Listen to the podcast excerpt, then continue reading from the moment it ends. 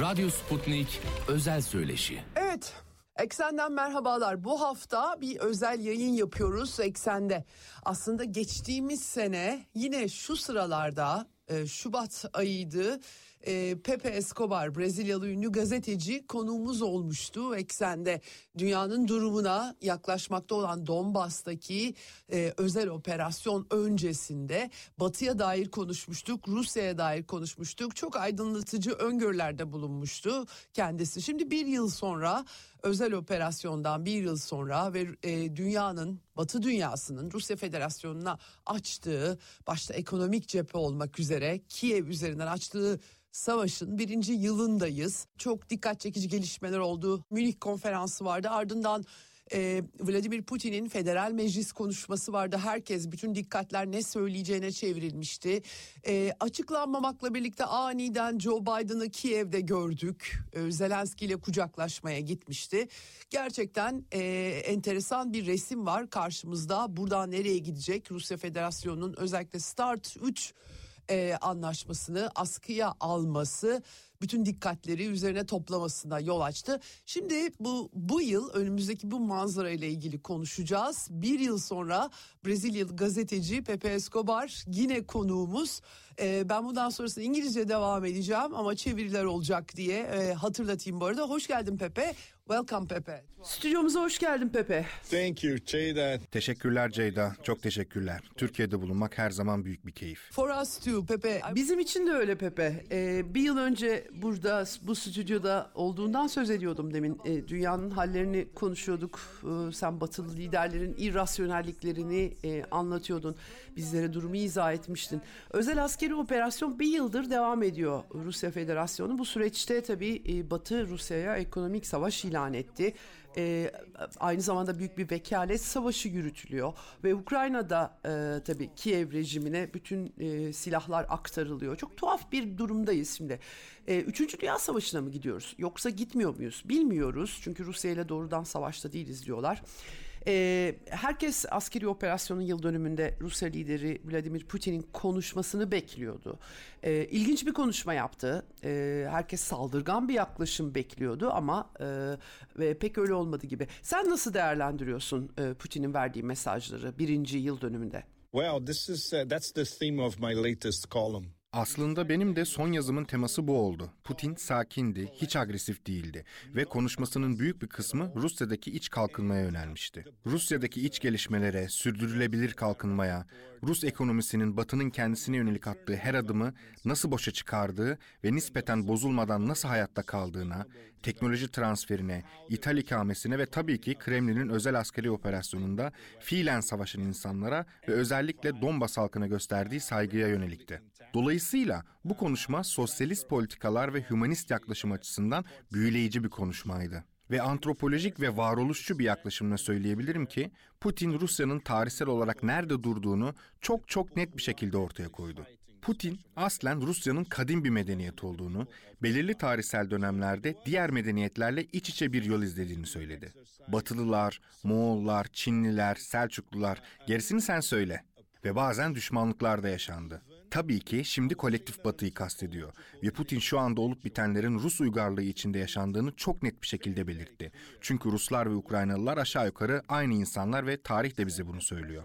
Dolayısıyla çatışmanın çerçevesini tarihsel, antropolojik ve sosyolojik terimlerle çizmesi çok önemliydi. Çünkü bundan sonra kolektif batının neden şimdi Rusya'ya karşı olduğunu bu şekilde açıklayabilirdi. Tabii bunun temelinde Washington ve Brüksel'deki sözde siyasi seçkinler olduğunu vurgulamaya da özen gösterdi. Bu karşıtlık halklar düzleminde Amerikalıları ya da farklı Avrupalı halkları temsil etmiyor. Bu nedenle konuşmasında bu çok açıktı. Yani bu daha agresif bir konuşma bekleyen batılı yorumcuların veya siyasetçilerin çok indirgemeci bir yaklaşımıydı. İşte saldırıyı artıracak, Ukrayna'nın diğer bölgelerini de işgal edecek diyorlardı. Gülünç. Rusların düşünme şekli bu değil. Özellikle de Vladimir Putin'in düşünme şekli bu değil. Putin bir legalist, kuralcı bir adam ama aynı zamanda özünde bir hümanist. Bunu çok açık bir şekilde ifade etti. Ve geçtiğimiz yıl boyunca Putin özel operasyonu başlatmaya aşağı yukarı zorlandı. Çünkü Rus istihbaratı özel operasyonun başlamasından birkaç gün öncesine kadar NATO ve Ukrayna'nın Donbas'a yönelik bir çeşit Blitzkrieg saldırısı yapmaya hazırlandıklarından yüzde yüz emindi ve özellikle sivillere yönelik bir katliam olacağını kesin olarak biliyordu. Genel ifadeyle özel askeri operasyonun bir numaralı nedeni bu. Ortalama bir Amerikalı ya da Avrupalı ile konuşursan bu konuda kesinlikle hiçbir fikirleri yoktur. Çünkü benim NATO-Stan dediğim o kolektifteki ana akım medyada bunları duymayı unutun. Dolayısıyla bu konuşmanın şimdi gelmesi çok önemliydi. Çünkü hem bundan sonra olabilecekler için bir nevi zemin hazırlıyordu hem de bir yıl önce başlatılan operasyondan önce olup bitenlerin arka planını ve provoke edileni özlü bir şekilde anlatıyordu. Yep, they also confessed about Aynen. Onlar aynı zamanda e, bu savaşın ne zaman başladığını da itiraf ettiler. Örneğin e, hatırlayalım yakın zamanda NATO şefi e, yani Stoltenberg bu konuda konuştu. Savaş 2022'de başlamadı dedi. 2014'te başladı dedi. E, zaten işte 2015'ten itibaren biz Kiev'e silahlar verdik e, dedi. E, Donbas'ta e, barışın garantörü olması gereken Almanya şansölyesi, eski şansölye Merkel'den itiraflar duyduk. Minsk anlaşmasını işte bir çeşit barış yapmak için yapmadık efendim. Ukrayna ordusunu daha da güçlendirmek, zaman kazanmak için yaptık dedi. Hepimiz biliyoruz aslında. Fakat Putin'in konuşmasına dönelim. Bana çok ölçülü bir konuşma gibi geldi. Her, yani Rusya'nın Rusya'nın içerisinde Rusya'yı destekleyen dünyada onlar bile daha agresif bir konuşma bekliyordu. Tam tersine ölçülü. Neden böyle yaptı sence? Because this speech was uh, Bu konuşmanın %60-70 oranında Rusların hayatlarını iyileştirmek açısından Rusya'da olacakları yönelik çok ama çok önemli bir konuşma olduğunu söyleyebilirim. Ancak konuşmanın %20'lik, %30'luk bir kısmı da dünyanın geri kalanındaki izleyiciler içindi. Yani Putin özel operasyonun neden yapıldığının arka planını anlatmak zorunda kaldı. Kolektif Batı tarafından Rusya yönelik 2014'ten çok daha önce başlatılan bu düşmanlığı hatırlatması gerekiyordu. Tabi bu arka planı Sovyetler Birliği'nin dağılmasına kadar götürmedi ama en azından son 10 yıllık çöküşü anlattı. Çünkü Amerika'nın Ukrayna gündemi tabiri caizse Ukrayna'yı Rusya'nın kalbine yönelik bir mızrak haline getirmek. Bu metafor bence burada geçerli çünkü onlar böyle düşünüyor. Ukrayna'ya yönelirsek Rusya'yı tamamen istikrarsızlaştırabiliriz diye düşünüyorlar. Ve Brzezinski'den beri insanların ve bütün Amerikalı düşünce kuruluşlarının söylediği şey bu. Amerika'da demokrat veya cumhuriyetçi fark etmeksizin hepsi aynı şeyi düşünüyor. Yayınladıkları her şey her gün benim e-posta kutuma düşüyor ve söyleyebilirim ki 2014'ten önce bile söyledikleri buydu. Rus istihbaratı da bunu biliyor. Bunun aslında ölümüne bir savaş olduğunu biliyorlar. Bunu böyle koyabiliriz. Bu çok aşırı gibi görünebilir ama hayır. Amerikalılar Ukrayna'da bir Rus zaferini hayal bile edemez. Siyasi seçkinlerden ve düşünce kuruluşlarından bahsediyorum. Çünkü bunun yankıları özellikle küresel güney nezdinde jeoekonomik, jeopolitik alanlarda son derece güçlü olacak ve NATO için ölüm çanağı anlamına gelecek. Bu NATO için öyle büyük bir aşağılanma olacak ki mesela Afganistan olayı parkta bir yürüyüş gibi görünecek ve aynı zamanda bu insanlar yani yönetici seçkinler bir sonraki savaşı Çin'i düşünüyorlar. Kesinlikle buraya da değineceğiz. Ve şimdi ise Amerikalılar sahip oldukları her şeyi Çin'e karşı yönlendirebilmek için Ukrayna'daki çatışmayı bir nevi dondurmaya çalışıyorlar. Belli ki Çin istihbaratı da bunu biliyor. Her iki ülkedeki istihbarat teşkilatı için Pekin ve Moskova'da neler olup bittiği çok açık ve Putin'in konuşmasının aynı gününde Wang Yi'nin konuşması da çok şey anlatıyor. Önce Patrushev ve ardından Lavrov ve Putin'le görüşme. Bu da Rus-Çin stratejik ortaklığının her geçen gün daha da güçlendiği anlamına geliyor. Bütün bunları bir araya getirdiğimizde kolektif batıda mutlak bir çaresizlik olduğunu ve Avrasya cephesi yani Rusya ve Çin'de en üst düzeyde çok kutupluluğun sağlamlaştığını görüyoruz. there's some uh, some problem I think uh, Şimdi Batılıların okumalarında bir sorun olduğunu düşünüyorum. Peki e, mesela e, Çin e, temsilcisi Wang Yi Münih Güvenlik Konferansı'nın ardından Moskova'ya gitti. E, Çin'in Ukrayna için işte tutum belgesi e, yahut girişimi e, var. E, Rusya'ya karşı olmasını e, bekliyorlar Çin'den. Kolektif Batı bir tarafsızlığın bir seçenek olmadığını söylüyor. Seçmek zorundasınız. İşte ya bizimlesiniz yahut bize karşısınız diyor. Ya, tıpkı George W. Bush gibi Irak Savaşı'nda. Peki bu, bu ne, nasıl bir şey bu? a remix of Terörizmle savaş konseptinin azarlaması. Chinese at the same time. It was very, very clever. Çinliler çok zekice bir şekilde Putin'in konuşmasıyla aynı gün Xi Jinping'in daha önce birçok konuşmasında atıfta bulunduğu küresel barış girişimini açıkladıkları bir belge yayınladı. Bu belge Çinli düşünce kuruluşları tarafından da tartışıldı ve temelde bu girişimin kilit noktası şu. Eğer bundan sonra yaşanabilir bir dünya mümkünse eğer bu çok kutuplu olmalı. BM anlaşmasına saygı duyulmalı ve NATO gibi kurum ve kuruluşlar tamamen unutulmalı. Çinliler sofistike biçimde açıkladılar. Onların mesajı bu. Bu özellikle savaşla ilgili değil. Temelde bu savaşın tek taraflı olduğunu ve tahrik edildiğini söylüyorlar. Ve 5000 yıllık diplomasinin size öğrettiği şey de bu. Söylemek istediklerinizi doğrudan söylemeden nasıl ileteceksiniz? Ve biliyorsun Çinliler bu işte usta. Tabii bu metni daha önce Ruslara göndermişler çünkü istihbarat teşkilatları çok ama çok yakın işbirliği içinde. Plan açıklanmadan önce Wang Yi, Patrushev, Lavrov ve Putin'in yüz yüze görüşmüş olmaları bir kez daha tesadüf değil. Ayrıca bu kazara olan bir şey de değil. Amerikalılar ilan edilmeden önce çaresizce bunu engellemeye çalışıyor. Yani bir kez daha her zaman aynı genel çerçeveye geri dönüyoruz. Amerikalılar ve Brüksel'deki vasallar inanılmaz ama Lavrov'un hibrit savaş olarak tanımladığı her şeyi yapıyorlar. Hibrit savaş terimi dünya çapında biz bağımsızların en az 10 yıldır tartıştığımız bir şey. Şimdi Ruslar bunu Moskova'daki Dış İlişkiler Bakanlığı'nın bakış açısıyla ifade ediyor. Bu çok çok ciddi. Hibrit savaş altındayız. Çinliler Trump 2017'de ilk yaptırımları başlattığında onlar da aynı şeyi söylüyorlardı. Bu Çin'e karşı hibrit bir savaş. Yani Rusya ve Çin neyin tehlikede olduğunu biliyor ve aynı zamanda sahip oldukları silahların askeri değilse bile jeoekonomik ve jeopolitik olduğunu biliyorlar ki bu muhtemelen tartışacağımız bir konu. Ekonomik koridorlar ki güney-kuzey koridoru nasıl genişliyor, ulaşım koridorları nasıl genişliyor, kuşak ve yol, yeni ipek yolları genişliyor. Şangay İşbirliği Örgütü, BRICS Plus biliyorsunuz BRICS, Arjantin, Cezayir gibi farklı bölgelerde önemli ülkelere ulaşıyor. İran, Türkiye, Mısır, Birleşik Arap Emirlikleri ve benzeri. Kolektif Batı küresel güneye ne sunabilir? Kelimenin tam anlamıyla savaş dışında hiçbir şey. Uh, but I wonder if the US E, Pepe Amerikalılar aynı zamanda Çin'i tehdit ediyorlar. E, mesela şu balon meselesini neden çıkarttılar? E, Amerika üzerinde UFO'lar, balonlar vuruldu. Çok tuhaf. Jada, let's talk about stupid. Peki Ceyda o zaman biraz da aptallıktan bahsedelim. Aptallıktan başka izahı yok.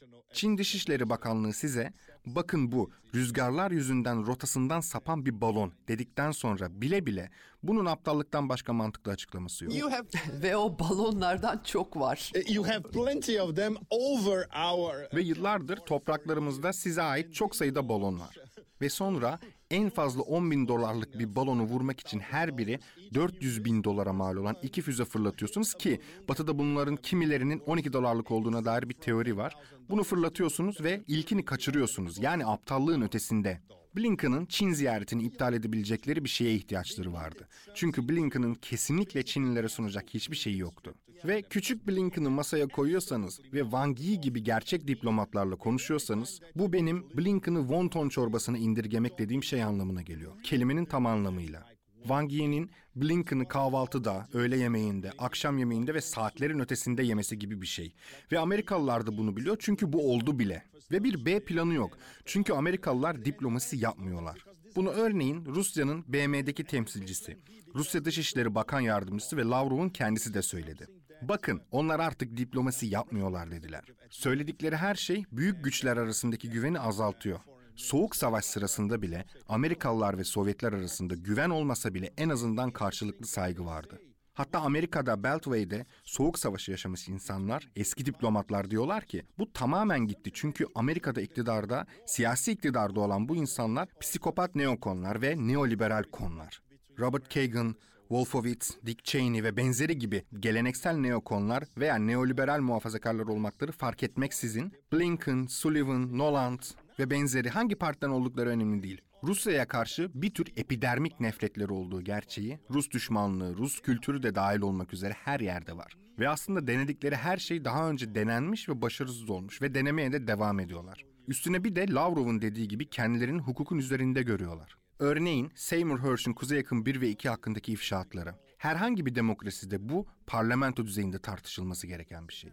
Her yerde, televizyonlarda, her özel programın manşetinde olması gereken bir şey. Ama hayır, sadece Amerika'da değil, tüm Batı ana akım medyasında mutlak bir utangaç sessizlik var. Yılın yarısını Avrupa'da yaşıyor ve bizzat görüyorum ve açıkça konuyu değiştirmeye çalışıyorlar. Nedir bu? Ah Çin bir tehdit. Rusya tehdit değil miydi? Çin Rusya'ya ölümcül silahlar getirecek ve bu bizim için kırmızı çizgi. Sanki Rusya'nın sınırlarında 8 yıl boyunca Ukrayna'yı silahlandırmak kırmızı çizgi değilmiş gibi. But uh, also uh, it is interesting to Ee, burada Çinlilerin pozisyonunu görmek de ilginç doğrusu. Çin Dışişleri Bakanlığı Sözcüsü işte Wang Wenbin örneğin hani e, Kuzey Akım 2 ve e, hatta birinci hattına da e, 26 Eylül'de bu hatlara yönelik hakikatleri bulmak için objektif bir soruşturma yapılması gerektiğini söyledi. Çünkü Hani bu mesele sadece Almanya ilgili Almanya ile ilgili değil. E, bunu vurguluyorlar özellikle. Aynı zamanda bir çevre sorunu çünkü doğal gaz boru hattı patlatıldı. Aynı zamanda küresel ekonomik mesele. Çünkü enerji piyasalarını etkiledi.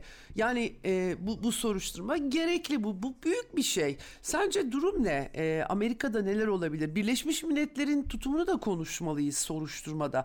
E, çünkü biz böyle bir soruşturma yapamayız dediler. Bu, bu işler yoluna konulur mu? Nasıl konulur? Dünyadaki çoğu insan Ceyda, Birleşmiş Milletler'in nasıl çalıştığını bilmiyor. Birleşmiş Milletler AB ve NATO ile aynı şekilde çalışıyor. Arkasında kim olduğunu hepimiz biliyoruz. Emirleri kimin verdiğini mesela. Emirlerin nereden geldiğini biliyoruz. Washington. New York'taki Birleşmiş Milletler de aynı şekilde.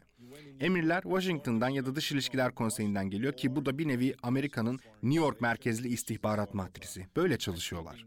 Yani her genel sekreter bir senaryoyu takip etmek zorunda. Senaryodan saparsa başı ciddi belaya girer. Aynı şey çok vasat bir politikacı olan anın adamı Guterres için de geçerli. Çok zayıf bir Portekizli politikacı. Tabii ki tamamen manipüle edilmiş durumda ve yapabileceği hiçbir şey yok. Ve hatta ekibine bakın bir şeyi araştırmak için yetkimiz yok demelerini emrediyor ki temelde Seymour Hersh bu işin yani kuzey akım hatlarının patlatılmasının icra edilme yönteminin en az %80'inin nasıl yapıldığını kanıtlamış durumda. Tabii İsveçlilerin katılımı gibi bazı detayları belki bilerek arka planda bıraktı. Ve Danimarkalıları özellikle İngilizler yani MI6'i Belki buna gerek yoktu ya da belki insanlar onun bazı kaynaklarını belirleyebileceği ihtimaline karşı bunun kendisi için çok karmaşık olabileceğini düşündüğü için bazı yerleri bıraktı. Yani temelde sadece Norveçliler ki bu çok açıktı çünkü Norveçliler olmadan tüm bu entrikaları yapamazsınız değil mi? Ancak BM'nin bir yetkisi olmadığı gerçeğini çünkü Amerikalılar onları bunu araştıramayacaklarını söylediği gerçeğini herkes biliyor. Rus temsilci Nebenzia bunu zaten söyledi. Aslında Çinliler de zaten söylemişti. Bakın bağımsız ve şeffaf bir soruşturma istiyoruz diye. Dediğim gibi bu tüm dünya için gerekli dedi Çinliler. Bu küresel güneyi ilgilendiren bir mesele. Tüm gezegen için olduğu gibi küresel kaynaklar için, çevresel felaketler açısından, boru hattı işleri açısından. Seymour söyleşilerinden birinde ilginç bir şey söyledi. Boru hattı görevlileri biliyorlar dedi. Bu zekice. Çünkü 20 yıldır boru hattı dediğim şey hakkında yazıyorum ve Orta Asya ve Basra Körfezi'ndeki boru hatları hakkında tanıdığım insanlar Zaten Amerikalıların yaptığını biliyoruz. Bu çok kolay. Bununla çalışıyoruz. Boru hatlarıyla çalışıyoruz dediler. Yani endüstri biliyor. Tabii kimse bir şey söylemiyor. Çünkü böyle bir şey yüksek sesle söylerseniz Amerikalılar peşinize düşer. Bu yüzden Hersh'ün bundan özel olarak bahsetmesi harikaydı. Bazı boru hatları çalışanlarıyla konuştu ve tabii ki tam olarak olan şey buydu. Sonar kaynatma kullanarak havaya uçurulma mekanizması. C4 patlayıcıları, her şey. Mesela Alman hükümeti, İsveç hükümeti ve Danimarka hükümeti bakın hala araştırıyoruz ama elimizde henüz bir sonuç yok dediler. Yani Eylül'den beri araştırıyorlar ve hala ellerinde bir şey yok. Bu gülünç. Ve olası her kanıt şimdiye kadar İskandinavlar tarafından ortadan kaldırıldı. Ve bu da Gazprom'un kendi ekibini göndermesine izin vermemelerinin bir numaralı nedeni. Gazprom'u haftalarca ve aylarca oyaladıklarını ve hiçbir şey olmadığını hatırla. Yani şimdi kanıt bulmak için olay yerine giderseniz artık hiçbir şey toplayamazsınız. Bu yüzden Danimarka, İsveç ve Alman istihbaratının ne yayınlayacağına bağımlıyız.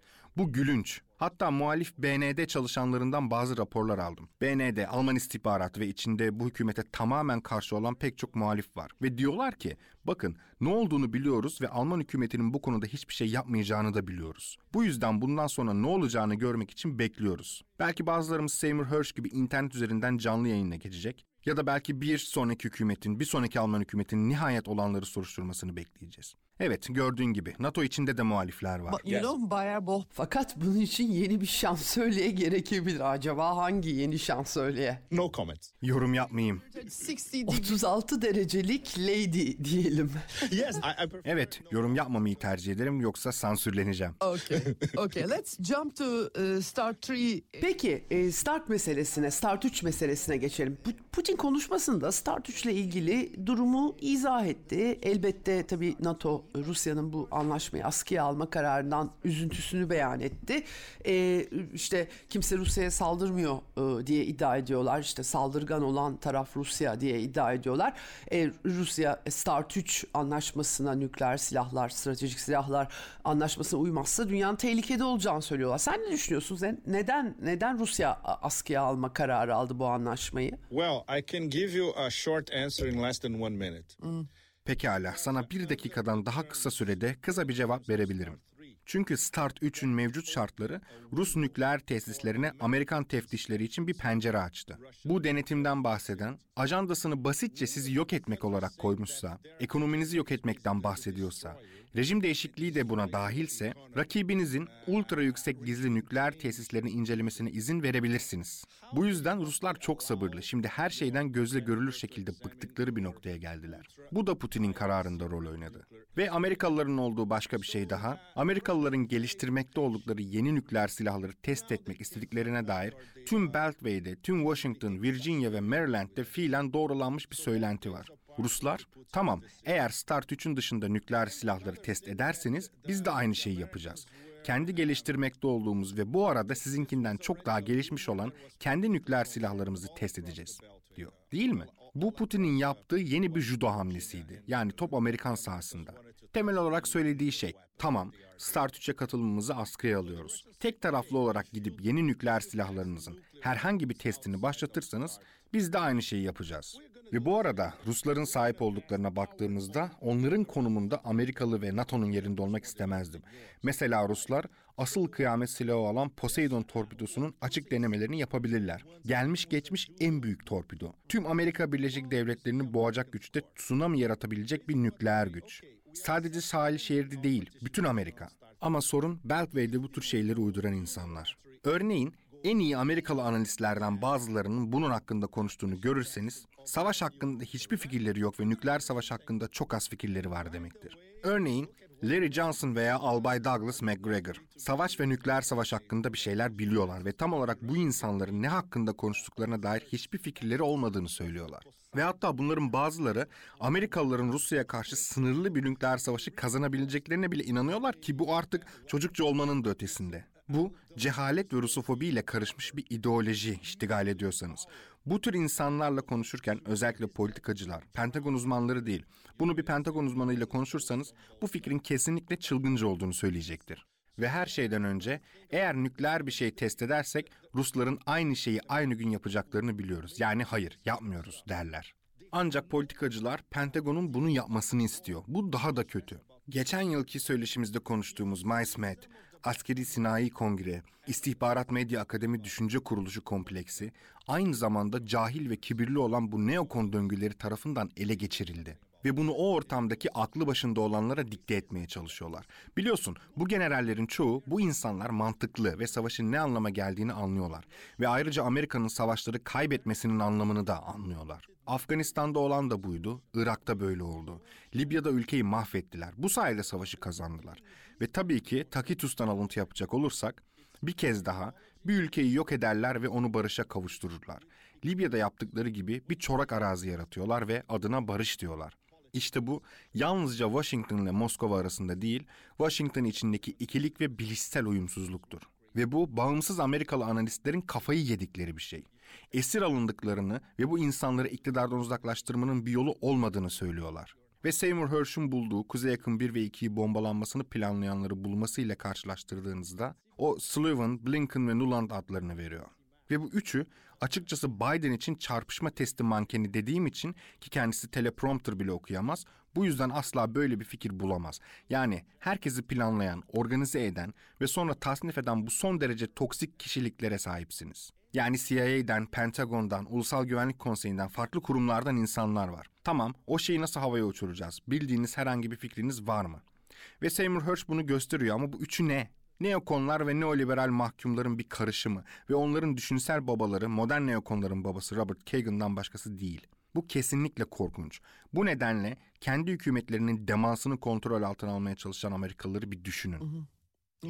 Biden uh, was in Warsaw. Ee, bu arada Biden da Kiev'e gittikten sonra yıl dönümünde Varşova'da Polonyalılara hitap etti.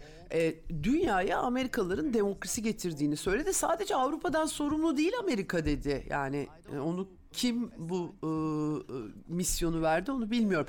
E, bir de kurallara dayalı düzen diyorlar. Onu da e, o da o da tam bilinmiyor ne oldu. Fakat e, her şeye rağmen işte büyük bir PR şov yapıldı. Bunu geçeceğim.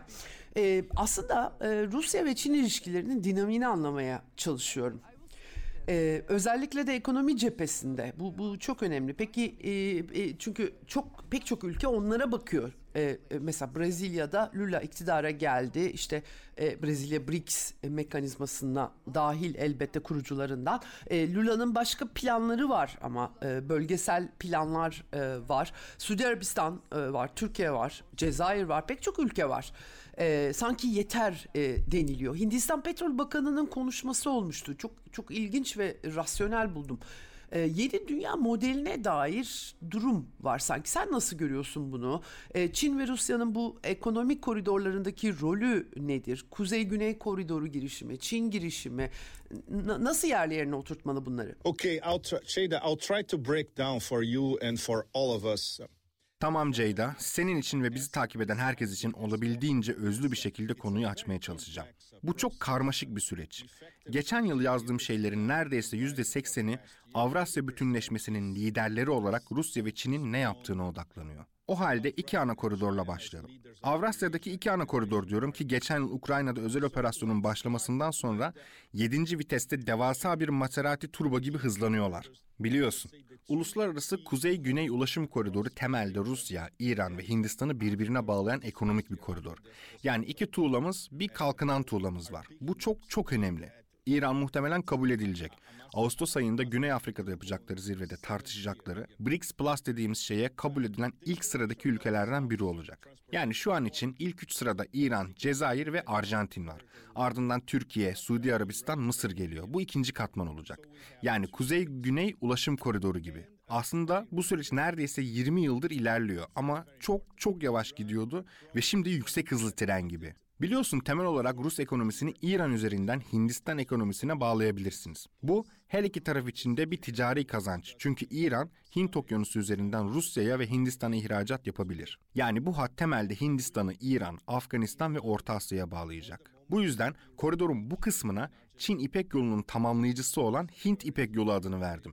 Yani bu Süveyş kanalını atladığı için Rusya, İran ve Hindistan için çok büyük jeoekonomik öneme sahip bir koridor. İsviçre kanalından çok daha kısa sürede ve çok daha ucuz. Ve tabii daha sonra Avrupa ile Rusya arasında normalleşmiş bir durum olursa bunun olup olmayacağını ve ne zaman olacağını bilemeyiz.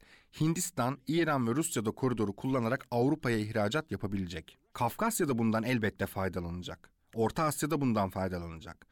Ve tabii ki bunun Çin'in kuşak ve yol girişimiyle doğrudan bir bağlantısı var.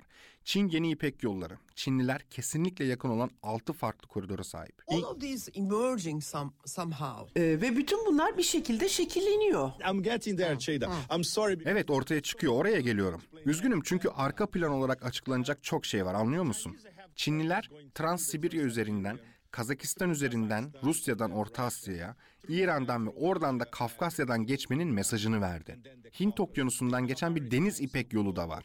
Ve tabii ki Çinlilerin İran'la stratejik bir ortaklığı da var. Dolayısıyla İran ipek yolları için de çok önemli.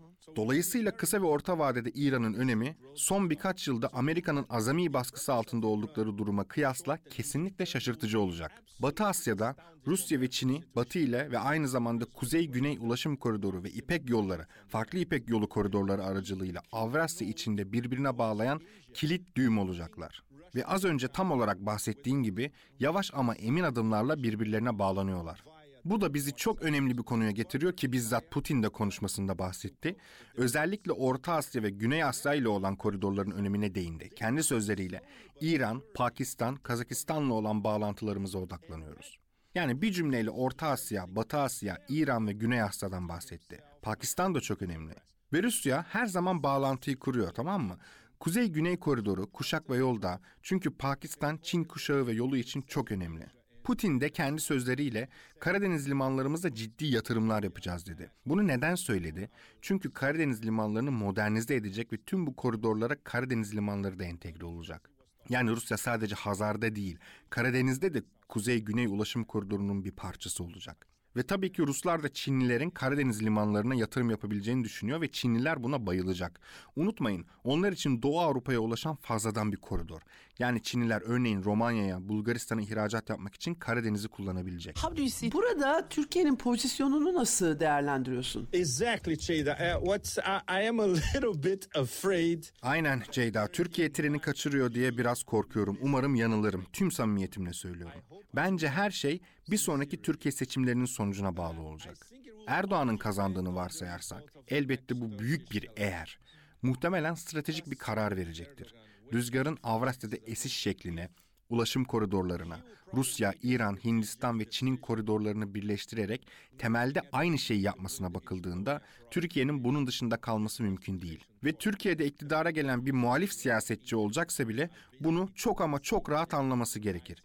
Bu 5 dakikada haritalarla anlatılabilecek bir şey. Dolayısıyla Türkiye'de güçlü bir konumda olan herkes, Türkiye'nin bu koridorlarla bağlantı kurma ve Doğu ile Batı arasında ayrıcalıklı bir ticaret kavşağı olarak Türkiye'nin rolünü güçlendirme açısından önemli olması gerektiğini anlayabilir.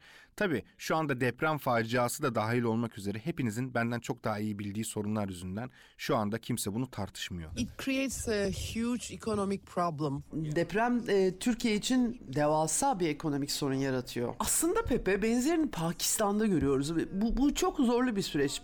Pakistan e, IMF'ye yalvarma halinde. Çok büyük miktarda paraya ihtiyaçları var. Şimdi tabii Türkiye'deki depremler yani Türkiye için bir parça zorlu olacağını düşünmüyor musun? Yani Batı'nın baskıları da burada e, var. Ee, Türkiye yahut Pakistan. Yani bu, bu zorlu başlıkları nasıl değerlendiriyorsun? It's a very good question. Well, of- Kesinlikle haklısın. Çok güzel bir soru Ceyda. Pakistan benim için çok kişisel çünkü 90'ların sonlarından bu yana Pakistan'da çok çalıştım. Bir tür sessiz renkli devrimde Amerikan esintili hukuk tarafından devrilen İmran Han hükümetinde Pakistan'ın başına gelen de buydu. En üst mevkilerde olan iyi arkadaşlarım oldu. Ve Pakistan'daki bu hükümetin yaptıklarına şaşmamak gerek. Çaresizler, çaresizler ve çarelerine IMF. Bu gelecekte Pakistan'ı daha da fazla zincirlemek anlamına geliyor. Dolayısıyla Pakistan'ın konumu son derece karmaşık çünkü Çinliler Pakistan'a bakıyor. Bir ticaret ortağı görmek istiyorlar. Birinci sıradaki ticaret ortağı ve birçok durumda buna bakıyorlar ve İmran Han daha önce suikasta uğramazsa bir sonraki Cumhurbaşkanlığı seçimlerine katılıp kazanmadığı sürece çözümü olmayan bir vaka görüyorlar. O suikasti bile denediler. Evet denediler ve işe yaramadı. Dolayısıyla Pakistan'ın rolü çok önemli çünkü Çin Pakistan ekonomik koridoru bir numaralı kuşak ve yol projesi. Pakistan için sürdürülebilir kalkınma ve altyapı inşası açısından bir ulusal güvenlik meselesi olduğu için Çinliler bu konuda yardımcı olacak. Çinliler içinse Gwadar limanından Umman Denizi ve Hint Okyanusu'na uzanan doğrudan bir hat var. Ve haritaya baktığınızda bu büyüleyici. Çünkü Umman Denizi'ne, Hint Okyanusu'na ve Umman Körfezi'ne bakıyorsunuz. İki liman görüyorsunuz. Yaklaşık 80 kilometrelik mesafeler var. Pakistan sahilinde Gwadar var ve İran sahilinde Çabahar var. Çabahar, kuzey-güney ulaşım koridorunun bir parçası olacak ve Gwadar, Çin-Pakistan ekonomik koridorunun bir parçası olacak.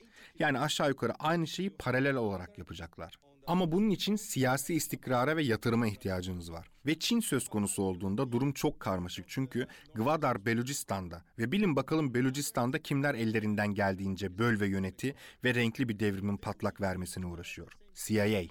CIA 20 yılı aşkın bir süredir oradaydı. 11 Eylül'den önce bile zaten oradaydılar. Bir sonraki seçimlere kadar Pakistan'da neler olacağı görmemiz gereken çok önemli bir soru. Veya İmran Han'ın kenara çekildiğini varsayarsak bakış açısı Pakistan için kasvetli diyebilirim. I would like to ask you about the Ee, sana diğer ülkeleri de sormak istiyorum. Ee, Batılıların, e, Batılılar başta dünya bizimle diyorlardı. İşte bu mesele uluslararası hukukla ilgili diyorlardı.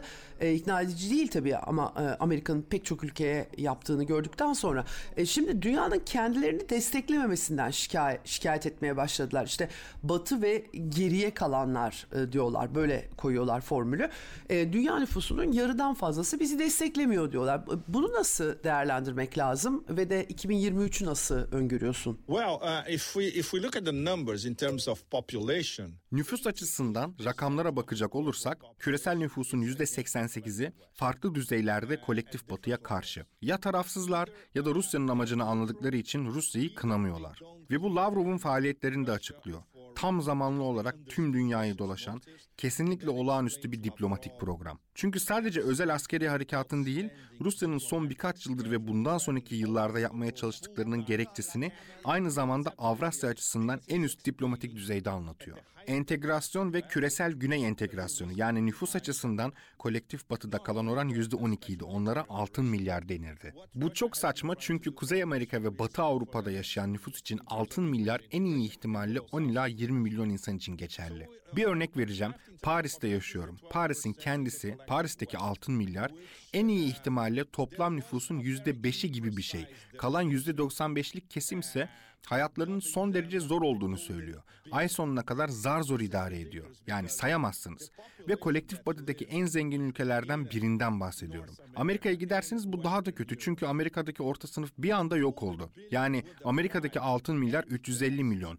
En iyi ihtimalle üst orta sınıf ve zengin olan 10 ila 15 ila 20 milyon insan olur. Yani altın milyar ona baktığınızda kolektif batıda 50 milyondan fazla değil. Ve şimdi bunu küresel güneyle karşılaştırın. Rusya, Çin, Hindistan, Endonezya, Mısır, Nijerya, Brezilya, Arjantin hatta Türkiye değil mi? Bu gerçek dünya. Ve tabii ki Rusya'nın ve Çin'in motivasyonunu anlıyorlar. Çin'le iş yapmak istiyorlar.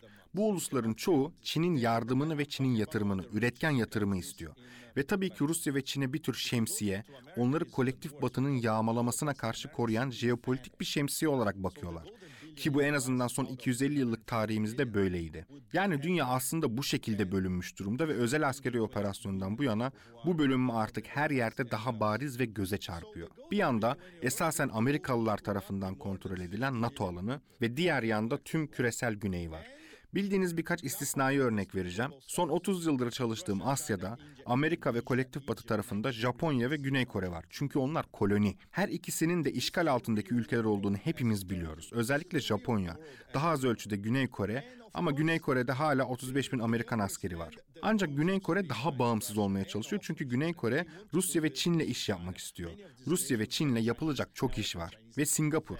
Ama Singapur'da 6 milyon insan yaşıyor. Singapur, Güneydoğu Asya'daki bir Amerikan uçak gemisi gibi. Orada yaşadım ve gördüm. Tamamen küresel güney olan ve birleştirici bir küresel güney alternatif sistemine sahip olmayı dört gözle bekleyen Malezya ve Endonezya ile çevrili. Yani dünya bugün böyle bölünmüş durumda. Oldukça açık.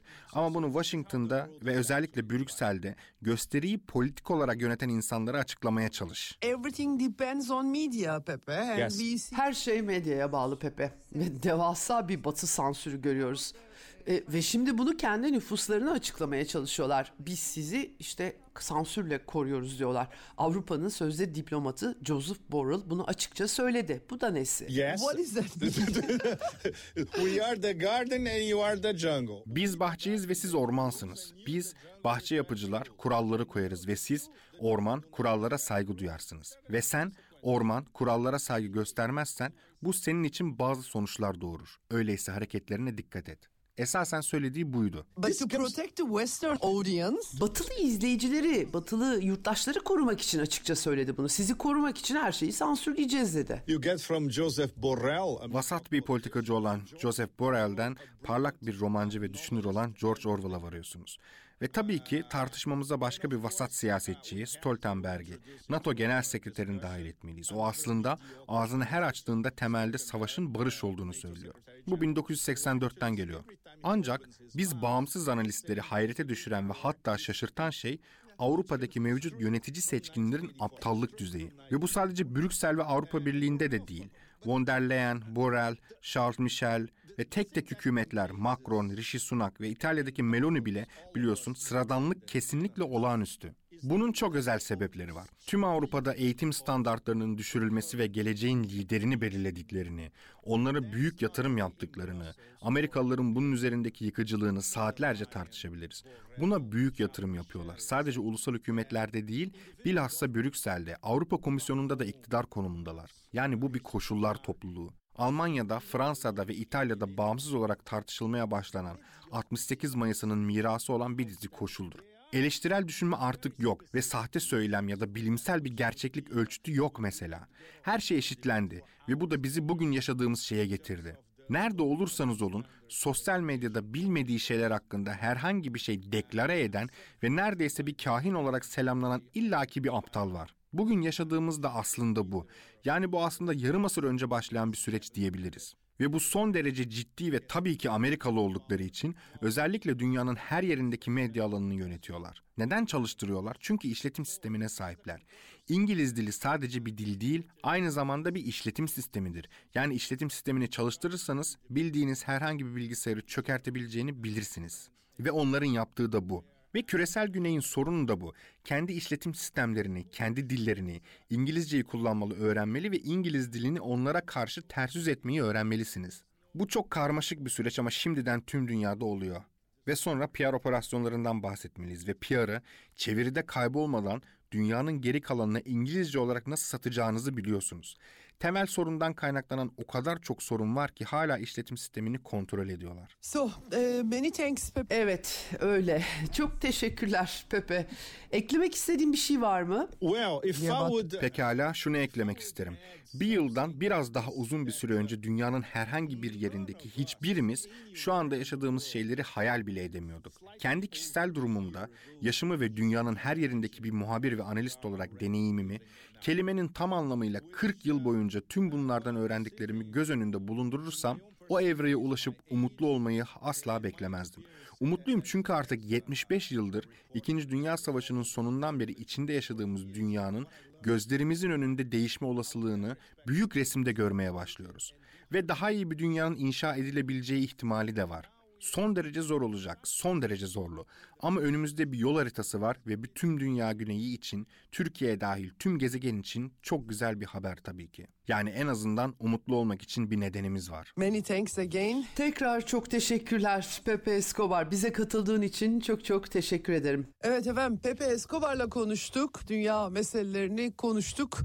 Ee, Eksen Özel'de bu sene e, bu yıl e, biraz 2023-2022 anlamaya çalıştık. 2023'e e, yönelik küresel bir projeksiyon yakmaya çalıştık. Hoşçakalın. Radyo Sputnik özel söyleşi.